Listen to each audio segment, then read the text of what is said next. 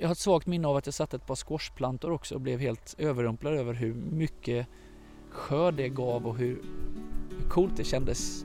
I make food. Tydligt liksom. Så egentligen så upptäckte jag väl ganska direkt med första kontakten med jorden när jag snubblade över ett par pallkragar mitt i mitt dåliga mående. Det här som jag kallar för odlingsterapi. Du lyssnar på podden Nära dig från Region Jönköpings län. Patienter och andra får här berätta och fördjupa sin historia. Vi som gör podden jobbar på kommunikationsavdelningen på Region Jönköpings län. I det här avsnittet ska du få träffa Karl Martindal i Jönköping hemma i hans trädgård. Nu sitter vi här, Karl Martindal hemma hos dig vid kanten av ditt växthus. Lite grus har vi framför oss här och eh, en massa olika pallkragar med olika växter. Ja, det är käket för kommande säsong här så det, det är härligt. Vad är det för käk? Det är mycket kål i år, eh, mycket vitlök som vi då lagrar så vi kan käka över hela vintern. Eh, Lite potatis och morötter och jordärtskockor och mycket ärtor och bönor och squash och jordgubbar och annat gott. Blåser det till här lite ska jag bara vänta några sekunder. Om vi ska börja med att presentera dig lite kort också. Vill du Mm. berätta lite om din bakgrund? Ja, jag heter Karl Martindal och eh, arbetar som eh, låtskrivare artist och har gjort det i ganska många år. Eh, jag har ett stort odlingsintresse och jag är en väldigt högkänslig person. Eh, vill att jag går in djupare på vem jag är? Ja, vi kommer ju komma in lite på det här med högkänsligheten också tror jag. Mm. Eh, eftersom vi ska prata lite om vad som har hänt dig under Mm. senare år. Eh, men eh, annars tror jag att de flesta känner till dig lite som musiker. Ja, det är nog det vanligaste man känner till mig som, absolut. Och vad är det för musik? Ja, jag byggde en karriär på att skriva egen musik och som doftar 60-70-tal och liksom har någon slags fot i, i det låtskrivarhantverket. Eh, sen har jag ju under många år gjort varit med en hel del i tv och musicerat och Melodifestivalen var väl en sån där grej 2004 som verkligen eh, gjorde att folk vet vem jag är antar jag. Eh, sen har jag försökt mig som musiker, låtskrivare, artist eh, sedan 2003 på heltid. Även om den prylen började redan 93 när jag slog igenom med mitt första band The Flying Eagles från Bankeryd. Så jag har drygt 25 års yrkeserfarenhet. Eh, ja. Nu kan du också titulera dig författare. ja, det är lite fräckt. Utgiven författare, det var ju verkligen en barndomsdröm som jag mer eller mindre hade glömt bort att jag hade. Men eh, det känns, det känns jäkligt fräckt. Och den här boken då eh, ska vi prata lite om. Eh, för det är ju delvis därför som jag är här. Eh, berätta lite vad det var som var upprinnelsen. Ja men för ett gäng år sedan eh, så upplevde jag en fysisk och psykisk kollaps där, eh, där jag slutade fungera helt enkelt. Eh, och det visade sig att jag led av ganska, ja jag led av psykisk ohälsa och utmattningssymptom och långvarig depression som gjorde att jag inte klarade mig utan hjälp längre. Och någonstans så, jag fick ju hjälp och jag fick medicinering och jag gick i samtalsterapi och hos psykolog och jobbade mycket KBT och allting och det var jättebra. Men någonstans där körde jag ner- även ner fingrarna i jorden och började odla grönsaker här hemma i några pallkragar. Och där började ju ett terapiarbete som jag då inte förstod var ganska avgörande för mig. Eh, jag kallar det för odlingsterapi. Och någonstans efter några år när jag hade hållit på och odlat och satt mat på bordet som jag odlat själva så gjorde min fru det ganska tydligt för mig när hon sa att när det vissnar i, la- i landen, Kalle, så vissnar även du en smula. Och det där fastnade och där började en idé kring att dela med mig av mina erfarenheter. Det började liksom plocka på min uppmärksamhet. Och eh, någonstans på den resan så bestämde jag mig för att jag måste dela med mig av det här fantastiska verktyget som jag har upptäckt. Och ja, då sökte jag kontakt med eh, ett förlag här i stan som heter Erlin och pitchade min idé och de gick igång på den och gav mig förtroendet att börja skriva denna boken. Så på den vägen är det. Vad är det framförallt du vill dela med dig av? Framförallt så vill jag ju erbjuda en strimma av hopp. För när jag, när jag var som sjukast då, då det känns ganska hopplöst och jag vet av egen erfarenhet att det finns en andra sida av psykisk ohälsa. Det går att komma ut på andra sidan och det går att njuta av livet kanske ännu mer än vad man gör innan en krasch. Och det kändes viktigt för mig på något sätt att försöka förmedla det och skänka lite hopp helt enkelt. Eh, för att ett väldigt dåligt mående går att vända i de flesta fall. Och sen känner jag ju också att livet är ju så försvinnande kort även under de bästa av förutsättningar så att ja, jag vill, jag vill, eh, jag vill göra någonting gott och hoppfullt som förhoppningsvis kan hjälpa någon annan som är i samma situation som jag har varit eller liknande. Och kanske även erbjuda hopp till de som går på sidan och bär alla dessa familjer som får slita. Ja, därför skrev jag boken. Om vi backar bandet lite igen då, de här fysiska reaktionerna som kom när du upptäckte mm. detta, vad var det? Ja men till en början så var det ju massa olika krämpor som jag sökte för utan att hitta någon anledning till. Eh, ledvärk hade jag mycket. Eh, svullna fingrar och tår. Så jag, fick, jag fick någon knallröda fingrar. Du vet när man har badat och man har förfrusit fingret det blir kritvitt och sen knallrött så fick jag på alla fingrar och alla tår. Jättemärkligt. Det sökte jag för. Jag hade väldigt mycket spänningshuvudvärk och tryck över bröstet vilket jag ju ofta kunde liksom säga att ja, men det här är nu, är nu är jag orolig och det kunde jag förstå men det blev eskalerade. Så det sökte jag för och, jag, och en gång var jag helt övertygad om att jag hade fått testikelcancer så det sökte jag också för men, men det gick inte liksom fastställa några fysiska fel på mig eh, initialt där. Till slut så var det ju vid disken som jag kollapsade. Jag löste inte hur fysiskt man diskar. Jag fick inte till det. Och sen när jag kom till trappan och skulle upp och lägga mig så, så kortslöt sig hjärnan, brukar jag kalla det. Jag visste inte hur jag skulle gå upp för trappan och då, där någonstans vet vi att där är, finns det ett slags stopp och där blir det ganska luddigt för mig hur saker och ting gick till. Mm. Och, och vad fick du för hjälp då? Nej, då, då var det mer att min fru förstod att det här är ju inte riktigt som det ska vara. Jag känner inte igen det riktigt så jag fick ju vila lite och försökte tänka mig att det var en eh, influensa eller någonting. Jag låg väl sängliggande ett par veckor och sen försökte jag gå på som vanligt men det, det funkade inte. Och mitt liv började styras allt mer av rädslor och oro. Jag hade så otroligt mycket katastroftankar och ja, det var, det var svårt att ta sig igenom en dag. Eh, och någonstans där på vägen så sa både min fru och min, mina föräldrar och närmsta liksom kretsen ifrån att kalla det här håller inte, du märker att det inte håller va.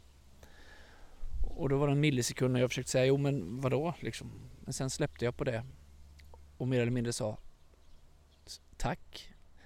För det, det gav mig modet att erkänna för mig själv och även för alla andra då att nej men jag mår ju inte bra och jag behöver verkligen hjälp. Och det gav mig också styrkan att söka hjälp till sjukvården initialt. Hur lång tid tog det då innan du sökte sjukvården för det här? Från det, från det här samtalet så, så var det väl ganska direkt och jag hade tur, jag fick tid ganska fort också.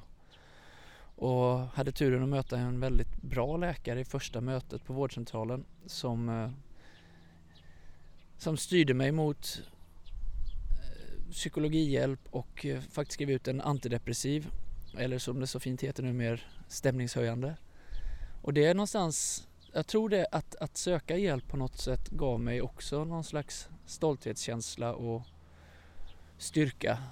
En klapp på axeln att jag tar tag i den här situationen som är på väg att kväva både mig och min familj. Liksom.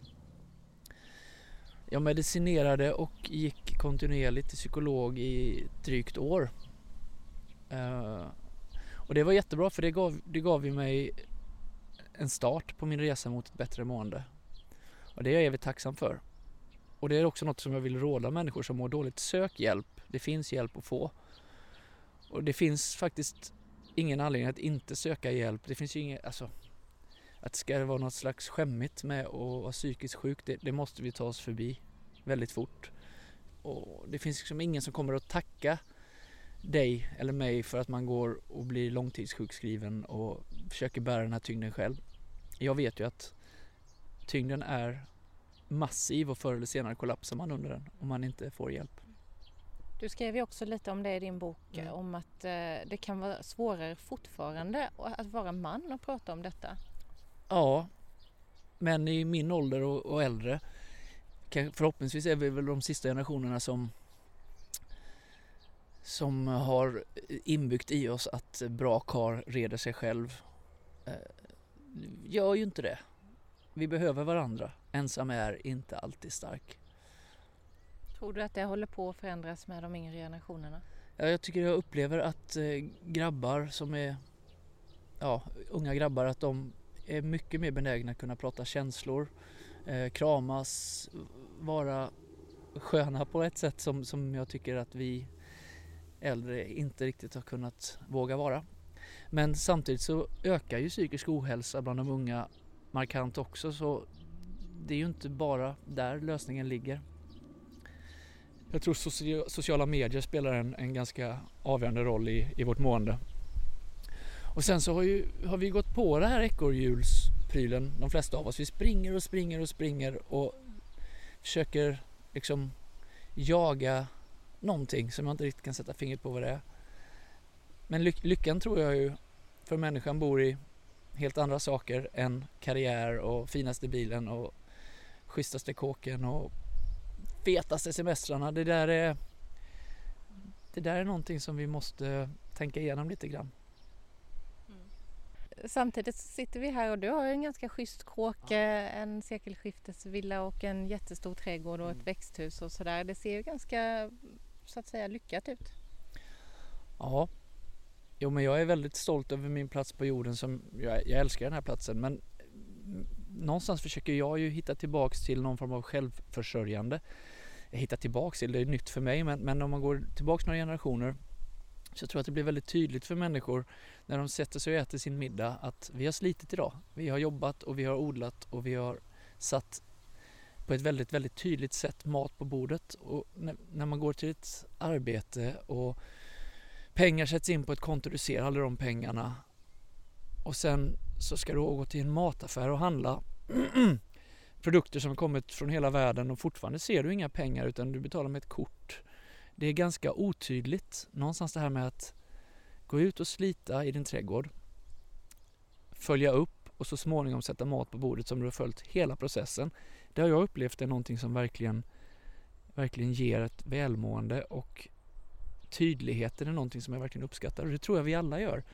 Eh, det fanns mycket problem förr i tiden med missväxt och, och andra bekymmer men jag tror att tydligheten att sätta mat på bordet som du själv har krigat för att det är någonting som får oss att må gott.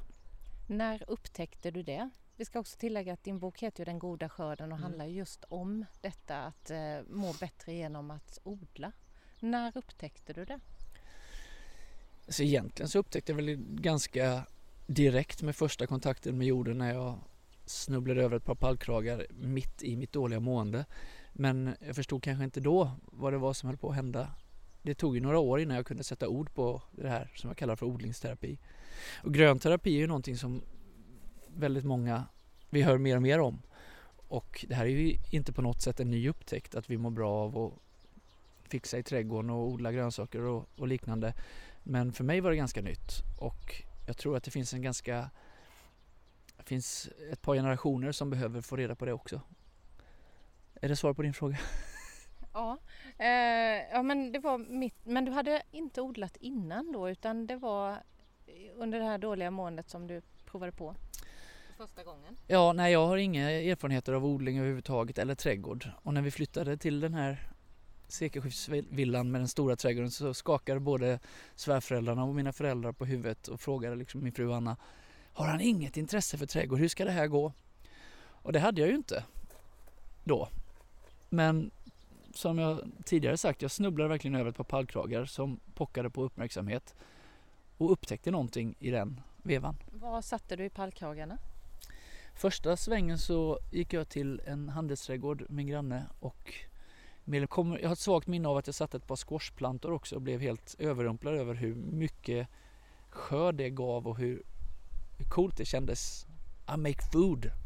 Tydligt liksom. Ja. När var detta? Ja, det är svårt att säga. Det är några år sedan. Jag har jättesvårt att försöka helt sortera när och var men någonstans eh, kring 2014 var det som värst. Jag bara funderar på hur lång tid det har tagit då att utveckla de två, eller vad det nu var, pallkragarna till det som vi ser här nu. För nu har vi ju, ja vad ska vi säga, minst tio pallkragar och, och, och inte bara pallkragar utan liksom... Friland och pallkragar bland annat. Men det är, ju, det är ju betydligt mycket mer än vad, vad det var och det har ju tagit de här åren, de här luddiga åren. Eh, men eh, det du ser nu tror jag har inne på sin tredje säsong och det utökas ju hela tiden. Och nu har vi även då byggt ett växthus för att kunna förlänga säsongen och erbjuda ytterligare en plats att växa på. Så det är, eh, ja, det här intresset är ingen fluga i mig utan det växer för varje odlingssäsong. Och genom det tycker jag att jag växer också så det, det är verkligen det är verkligen lite magi. Mm. Växtsäsongen är ju eh, begränsad och du har ju skrivit om det i din bok också att det, det här med vintrarna och mm. det är lite tufft att ta sig igenom. Det tror jag många av oss andra också som kan känna igen sig i. Hur hanterar du det mörka halvåret så att säga? Ja, jag försöker hantera det så gott jag kan. Eh, det är inte superlätt. Jag mår sämre när det blir mörkare om kvällarna och, och jorden inte går att bruka på samma sätt. Men jag har ett bättre sätt att tänka nu än vad jag hade tidigare. Jag jobbar mycket med positivt tänkande och vi kan väl kalla det för någon form av slags meditation som jag har upptäckt på mitt sätt då. Eh, sen har jag också upplevt att vi har en kakelugn, en, en brasa som sprakar och ger både värme och ljus mitt i smällkalla vintern kan vara inte ersätta solen men det, det, det, är ett substitut som fungerar ganska bra för mig. Och sen, men jag krigar hårdare på vinterhalvåret, så är det bara. Mm. När sätter du de första fröna? Ja, någonstans där, eh, vad blev det i år? Februari tror jag att jag började. Går att börja tidigare med växtlampor och liknande men så blev det den här säsongen. Mm. Vilken är din favoritväxt? Alltså växt, favoritväxt att titta på. Jag är väldigt förtjust i dahlia. Jag tycker det är otroligt vackert. Och det är också kul det här med att kunna bevara säsong för säsong med knölarna och, och sådär. Men, men snackar vi min favorit odlingsblivande föda så ska jag nog säga att det är nog potatis. Jag tycker det är så fantastiskt att man får så mycket tillbaks av en enda sättpotatis. Jag skrev i boken Hokus potatis och jag tycker det stämmer liksom. Det är liksom trolleri. Och dessutom så det är någonting som känns gott igen att kunna odla någonting som mättar under lång period. Jag brukar liksom tänka på potatisen som något fantastiskt som kom och hjälpte människor att överleva tuffa tider. Krig och svält och allt möjligt. Äh, överleva svält, ja man svalt ju inte om man hade potatis på en liten plätt. Eh, så potatis är en riktig favorit. Vi sitter ju här precis bredvid eh, några potatiskrukor. Mm. Ja, jag brukar ju alltid odla min potatis på friland men jag har även satt några roliga sorter i eh, hinkar i år för att ha till midsommar så de skulle få en skjuts in i växthuset. Ja, de är snart klara. Vad är detta för sort då? Vad heter de vet jag inte. Det är en, en sort som är rosa i både skal och fruktkött. En som är blå, nästan mörkt, mörkt lila i både skal och fruktkött. Heter det fruktkött på potatis? Ja, ja inuti. Och så är det en eh, annan väldigt tidig sort bara. Eh, du skriver också lite om det i boken, det här om att det kanske inte måste alltid vara så perfekt när man håller på med odling. Man tänker lätt att det ska vara superfint liksom det här med växthus och Mm. odla i pallkragar och så men eh, jag ser ju ändå att det växer lite ogräs här Ja. och där. Ja men att ha det städat och ordnat och sådär det förhöjer ju helhetsintrycket men det får liksom inte bli en ytterligare stress att hela tiden måste vara perfekt. Jag försöker ha en lite skönare inställning till mitt odlande. Det ska vara lite grann i symbios med naturen. Ett ordnat kaos som mitt inre brukar funka ganska bra. Hur mycket tid lägger du här dagligen?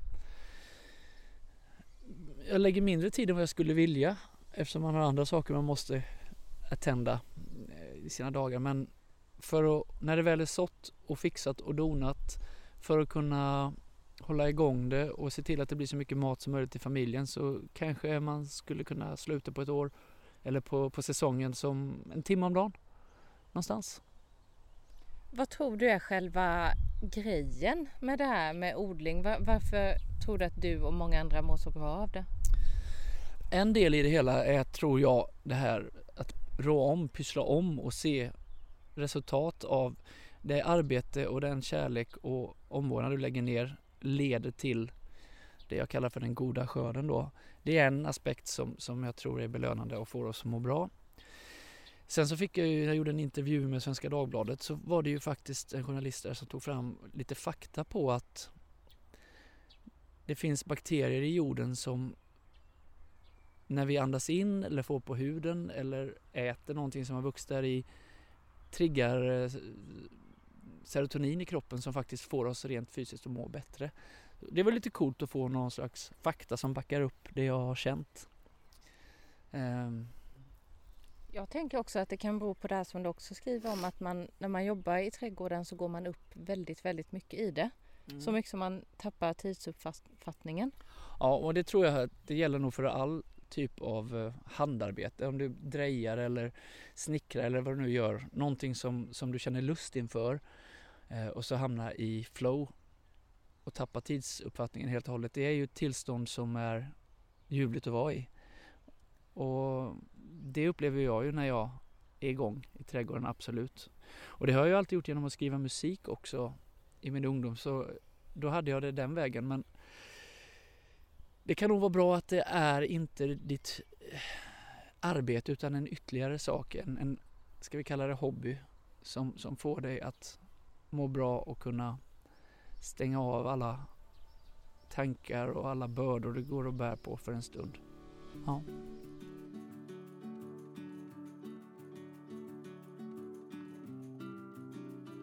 Jag ska ställa några frågor men jag har bara dem uppskrivna här på ett block.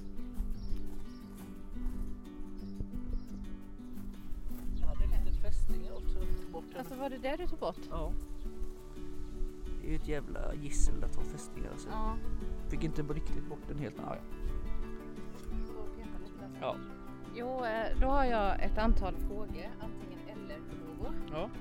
Eh, och så får du säga vilket du väljer och en kort motivering. Mm. Eh, Väljer du skog eller hav? Oh! Vad svårt!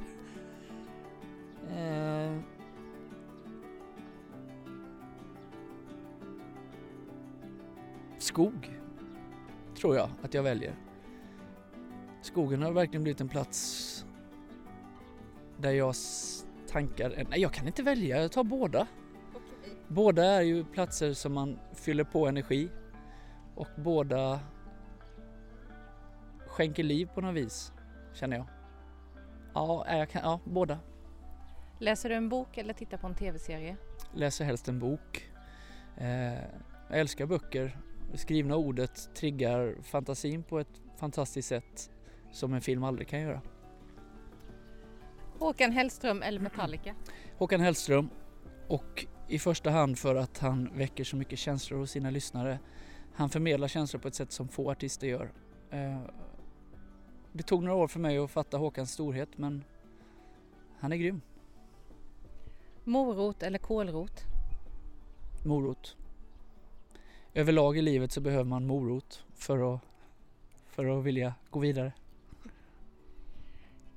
Kruka eller friland? Friland.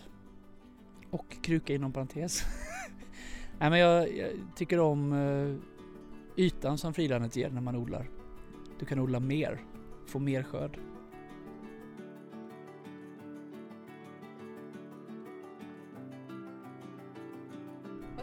Med idag? Jag musicerar, spelar musik för människor och eh, har ju faktiskt börjat släppa musik igen. Släppt den första singeln som heter Only Love Can för en kommande EP som eh, ska hitta sin väg till er alldeles snart hoppas jag. Eh, det är väl min huvudsyssla egentligen, musicerandet. Eh, som du sa, jag är ju utgiven författare nu också vilket känns väldigt spännande och är ett nytt spår för mig. Och så föreläser jag en hel del och kommer väl att göra det betydligt mycket mer framöver. Eh, jag har ett koncept som, som är en musikalisk föreläsning där jag, där jag integrerar låtar på vägen i mitt samtal. Och väldigt inspirerande. En chans att få prata både, både odling, mående och allt däremellan. Och, och kanske också få möta en publik som jag inte mött tidigare vilket är väldigt inspirerande. Vad är det för publik? En lyssnande nykter publik. Det är rätt spännande i sig. Nej men eh, människor som kanske är intresserade av att höra min resa som har varit både ljus och ibland väldigt, väldigt mörk. Eh, och, och se att det finns en andra sida som jag pratar om i boken också. Den ljusa sidan och att, och att eh, men livet, det handlar ju om livet och att försöka må så bra som möjligt. Hur gör du nu när du känner att det lite tunga kommer krypande? Jag har vissa tankar som jag återgår till när jag känner att jag är på väg att må sämre. Eh, lite små, ska vi kalla det mantran som stärker mig. Eh, men sen så sätter jag mig i en situation där jag tar mig tid att köra ner händerna i jorden och fixa med odlingarna för jag vet att det fungerar. Jag vet att jag hamnar i flow och jag vet att jag mår bättre efteråt. En annan grej som man kan göra om man känner att det är lite tufft det är ju förädling av mat, grönsaker. Eller att laga mat. Jag brukar kalla det för köksterapi. Det är också en himla fin grej.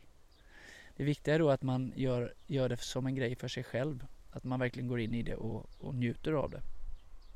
Det ska vara lustdrivet och kravlöst. Då blir det terapi av det helt enkelt. Vad gör du åt sniglarna?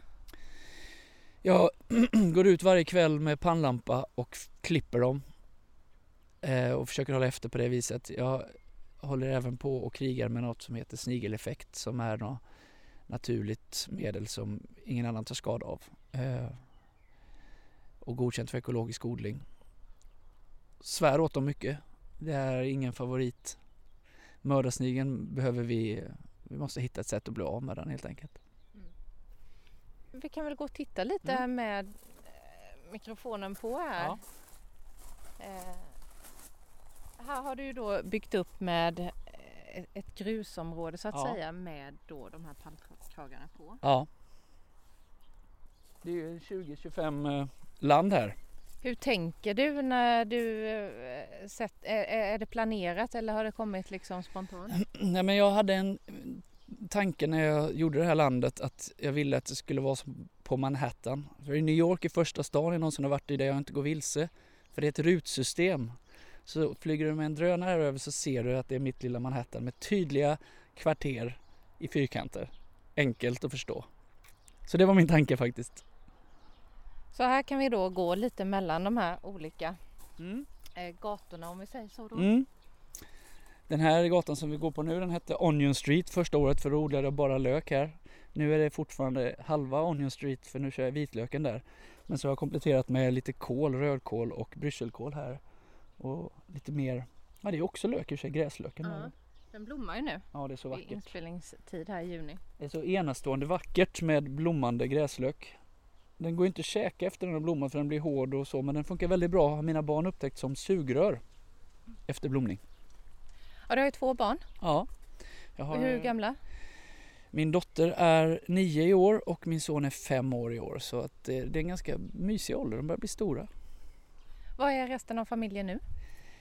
Eh, frun jobbar, sonen är på dagis och min dotter är iväg och badar med sin mormor tror jag idag. Mm. Vad, är de också intresserade av det här? De är väldigt intresserade av att käka det jag odlar det är en bra grej. Anna är lite mer sådär de, de lite tyngre arbeten som att trimma och rensa häckar och sånt gillar hon. Och sen så är hon betydligt bättre än mig på att göra blomsterarrangemang också men eh, vi hjälps åt. Eh, men i första hand är det väl jag som tar hand om eh, odlingarna. Barnen är med när de får feeling och liksom brukar vara med och vattna och fråga och smaka framför allt. Och det är bra. Mer odling med barn. Jag ser här vid kanten, här har du ju som gigantiska vinbärsbuskar hela Ja. vägen. Ja, jag har, det, det är en 20-30 buskar som faktiskt fanns när vi flyttade hit och det blir så otroligt vackert och ramar in mitt land när, när vi får röda bär här så småningom. Sen har de svarta buskarna på baksidan, det är ju min favorit, den svarta vinbäret. Betydligt nyttigare, lite godare tycker jag. Och vad är det för fruktträd vi står under här? Det här är ett päronträd. Eh, vi har ganska mycket äppelträd framförallt på tomten. Det är ju en kvarleva från en tid då i stort sett varje fastighet här i området där jag bor var en mer eller mindre en fruktodling. Och det är ju en stor lycka och verkligen en skattkammare av all denna frukt och vi gör en fantastisk must varje år eh, som vi kallar för It's a must med tanke på att man har lite göteborgskt i sig. Alltså du har grönsaker hela vintern. Nej, inte riktigt än. Vi försöker. Vissa saker har vi ju hela vintern. Genom att jag förädlar och gör inläggningar och gör surkål och, och inlagda rödbetor och liknande så har jag ju faktiskt under hela vintern. Men färska grönsaker har vi inte hela vintern riktigt än. Potatis försöker vi lagra. Morötter försöker vi lagra för vintern. Löken har jag varje år en tanke att vi ska ha lök hela vintern men den vi käkar upp den liksom. Hinner inte riktigt spara den. Jordgubbarna ser jag här, Mm. de är verkligen på gång nu. Ja, vi har de första röda nu. Jag tog, jag tog den allra första röda igår kväll när jag var ute och klippte sniglar. Eh, de, det är en tillfällig lösning, en liten pallkrage som barnen ska komma åt lätt med jordgubbar och smultron. Eh, det ska bli ett friland för jordgubbar så småningom. Men det funkar alldeles utmärkt nu. Men friland med jordgubbar, då kanske man får jobba med det lite och täcka och sådär eller? Alltså, allting ska egentligen täckas. Bar jord som du säger att jag har i vissa kragar, det är inte bra. Det håller inte fukt lika bra och du får mer ogräs och skit. Så egentligen så är halm eller gräsklipp eller någon annan form av täckmaterial eh, att föredra.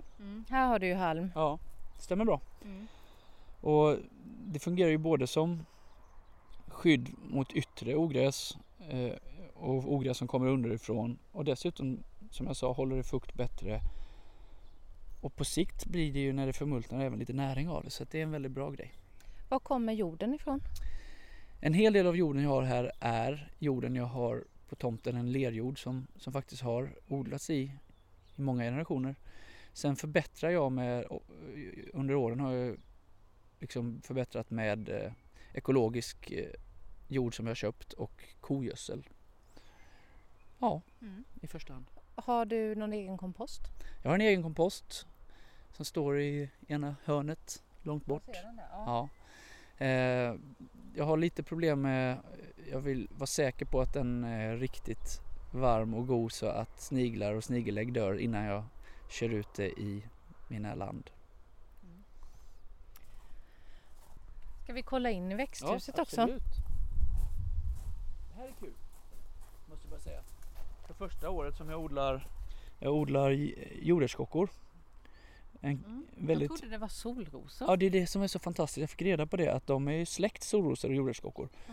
Så att ja, det är inte min favoritknöl att käka. Jag tycker det är okej sådär att använda i puréer och soppor och liknande. Men framförallt när jag fick reda på att de är släkt med solrosorna tänkte jag jag måste ha vackra solrosor mitt i mitt odlingsland. Så att det är därför jag odlar dem i första hand för skönheten. Jaha, så det blir sådana blommor? Mm, precis. Så det ska bli perfekt. Små solrosor kan man säga. Det är Mm. coolt. Och det här är då växthuset nytt för säsongen. Ja, vi byggde det under förra säsongen och det är första året som jag odlar i det. Det stämmer bra. Det är varmt och gott här inne du. Ja, verkligen. Och här har jag ju min eh, tomatdjungel med alla tomater som jag började odla från frö i vintras. Och även eh, har ju gurkorna fått, fått, flytta ut. Du ser de ger ganska bra skörd redan. Ja, just det. Har ju en gurka som är såna här smågurkor, alltså vanlig slanggurka fast litet format. Det är den. Ja, och den plockar, jag har några stycken sådana. 10 centimeter ungefär. Ja, och de plockar vi ju ett par om dagen redan. Mm. Så och det- äter som de är. Ja. Mm. Eller som smörgåspålägg eller vad man nu vill. Sen har jag en annan sort här som är en kinesisk variant som blir 50 cm lång och lite krökt. Den har inte liksom börjat ge så mycket gurkor än men den är på gång och den växer yvigt. Ja. ja, det gör den verkligen. Den slingrar sig liksom Ja. uppåt här och det är massor med gula blommor på också. Ja det stämmer bra så det blir mycket gurka så småningom. Ja, här ser man att det kommer en. Ja det gör det. Jag hade en, en, en bäst som jag skördade men för tidigt. Den, den blev inte så där lång och smal som den skulle utan den blev väldigt, väldigt tjock. Eh, den smakar inget vidare. Så nästa gång så låter jag dem växa ett tag till. Ja. Och Men här i hörnet står det någonting Ja, det är mitt fikon fikon. som börjat ge frukt. Det är coolt. Ja. Och eh, här står dahlior som väntar på att få komma ut. Sen är det mycket paprika och chili. Jag älskar ju chili och paprika. Så. Framförallt chili tror jag. Det är roligt att odla och jag älskar hettan jag får när man käkar det. Mm. Och så har jag planterat in i hörnet en vinranka som mår väldigt bra. Som förhoppningsvis hinner ge lite druvor redan i år. Vad ska du göra med det? Äta. Jag kommer inte göra någon vin, det är för liten skala men käka vindruvor är ju lyxigt alltså. Och här har ni också en liten sittgrupp då med soffa och fåtöljer och sånt där? Ja, det är ju en plats både för odling och umgänge så att vi försöker att vara här. Det är ju mitt på dagen är det lite hett här inne nu men kvällarna när solen börjar gå ner så är det väldigt skönt och, och framförallt så njuter man ju av umgänget här. När det blir lite kallare dagar så är det varma, varmt och gott här inne. Och att kunna sitta utomhus även när det ösregnar och mysa. Så det är kanon. Ja. Jag har gjort lite nya grejer på andra sidan om du vill följa med. Mm. Handlar mycket om för mig att skapa ställen att må bra på i trädgården. Och på ena sidan av växthuset har jag byggt ett, ett eh, land som egentligen är till för humlorna och bina och de andra nyttodjuren. Eh, med lavendel och dahlior och luktärt och lite andra roliga växter som, eh, som djuren tycker om. Och det, bonusen är att det blir en vacker plats att titta på också. Och mot växthuset har jag ställt eh, min och min frus bröllopspresent från förra midsommar när vi gifte oss 2018. Eh, en bänk som vi kan sitta och titta på på vår lilla blomsterrabatt här. Förhoppningsvis då humlor och bin trivs jättebra. Ja, Jag ser den lilla stenbänken. Ja. Eh, Anna och Karl och så datumet där. Ja. 2018. Yes, midsommarafton. Sitter ni där ibland? Tanken är att vi ska göra det. Den har precis kommit dit. Och som du ser så har det inte gått i blom riktigt än i det här landet. Men det ska bli en sån, sitta och mysa och hålla om varann plats. Och lukta på luktärtorna? Ja, varför inte? Vi har ju varit inne på det innan, men hur stor del tror du att den här, den här med odlingen har haft för ditt psykiska välmående? Det har haft och har även förebyggande en jättestor del i mitt, i mitt bättre mående så att säga. Eh, jag tror att de flesta skulle må bra av att odla i vilken skala man än väljer att göra lite grann och rå om. Jag tycker att en grön våg är en vettig rörelse. Tack för att du har lyssnat på podden Nära dig från Region Jönköpings län. Jag som intervjuade heter Alexandra Svedberg och det är Anna Lindman som har producerat. Har du synpunkter eller tips, hör av dig till oss på mejladressen kommunikation.rjl.se